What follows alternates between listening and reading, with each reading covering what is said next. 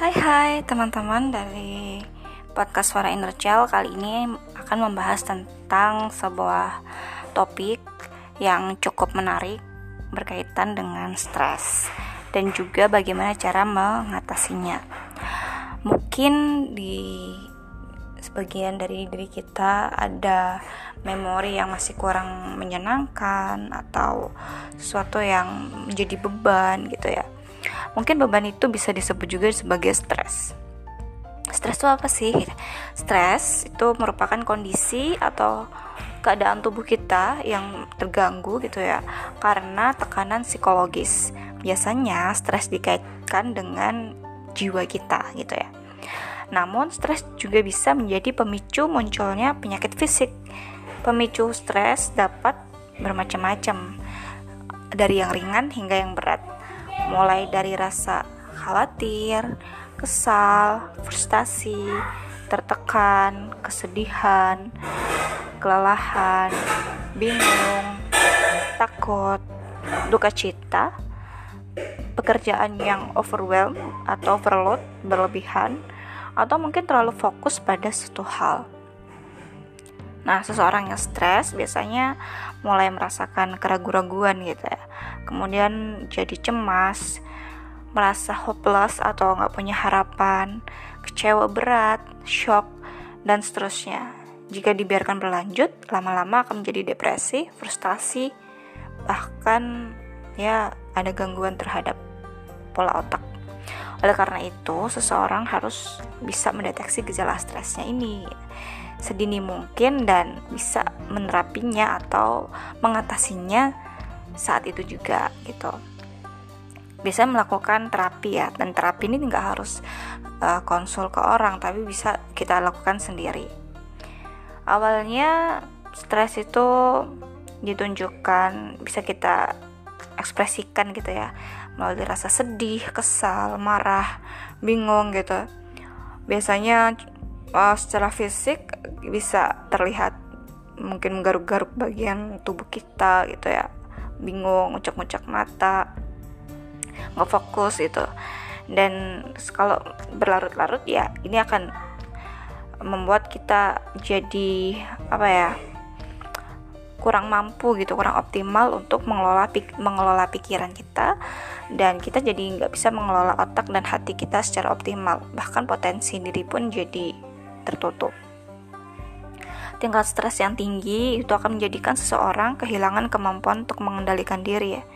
Dan ketidakmampuan mengendalikan diri ini menyebabkan seseorang kehilangan kemampuan mengoptimalkan potensi diri.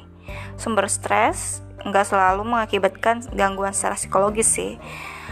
Uh, tapi reaksinya gitu ya dipengaruhi oleh bagaimana pikiran dan tubuh kita mempersepsikan suatu peristiwa itu.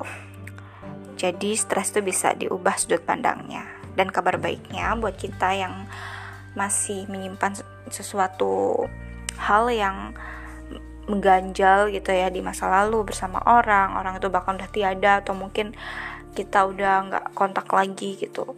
Yang paling efektif itu dengan cara memaafkan memaafkan ini udah pernah kita bahas ya tadi episode yang keberapa. Pada intinya memaafkan itu ada dua gitu memaafkan diri sendiri dan juga memaafkan orang lain. Secara medis hasil penelitian dari sejumlah ahli jiwa di seluruh dunia menyimpulkan bahwa orang-orang yang memiliki atau memelihara atau memerangkap sakit hati itu akan cenderung menjadi orang-orang yang sakit juga organ hatinya atau liver. Juga telah banyak diketahui banyak banyak banget ya klien yang mengidap kan ke kan cancer ya, cancer gitu ya, penyakit berat gitu ya, yang lain-lain pun ya. Itu juga bisa mencapai kesembuhan tuh hanya dengan cara gitu melepaskan amarahnya secara sadar dengan memaafkan orang-orang yang membuatnya sakit hati dan memendam amarah yang membuatnya menderita luka batin. Jadi ada dua kutub di sini cinta dan memaafkan.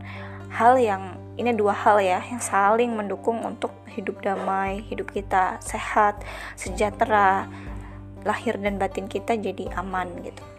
Memaafkan bukanlah sebuah perasaan, uh, misalkan secara verbal udah aku legowo gitu ya tapi dia adalah sebentuk tindakan sebentuk kemauan dari seseorang jadi kita bisa memaafkan jika kita memang menghendakinya. Jika tidak, ya kita sendiri yang akan merasakan konsekuensi dari hal tersebut gitu ya. Ini akan memelihara ingatan yang membuat kita jadi sempit jiwa atau sempit hati. Memaafkan itu salah satu perilaku yang membuat diri kita tetap sehat. Jadi, ada ada apa ya sikap-sikap mulia gitu ya yang seharusnya bisa diamalkan oleh diri kita dan dia akan terus didorong dengan memaafkan itu gitu jadi suatu karunia yang terindah gitu ya kita bisa memaafkan dan kita jadi lebih aware gitu ya apa lebih mindful sehingga kita bisa memaafkan diri sendiri dan juga memaafkan orang lain dalam kehidupan pun kita menjadi lebih ringan nah itu dia uh, obrolan singkat hari hari ini di episode kali ini.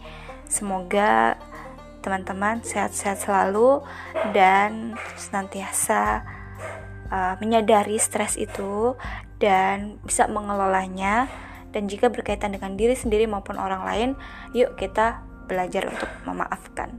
Ini reminder untuk diri sendiri juga dan terima kasih sudah menyimak dan sampai jumpa di episode selanjutnya. Bye.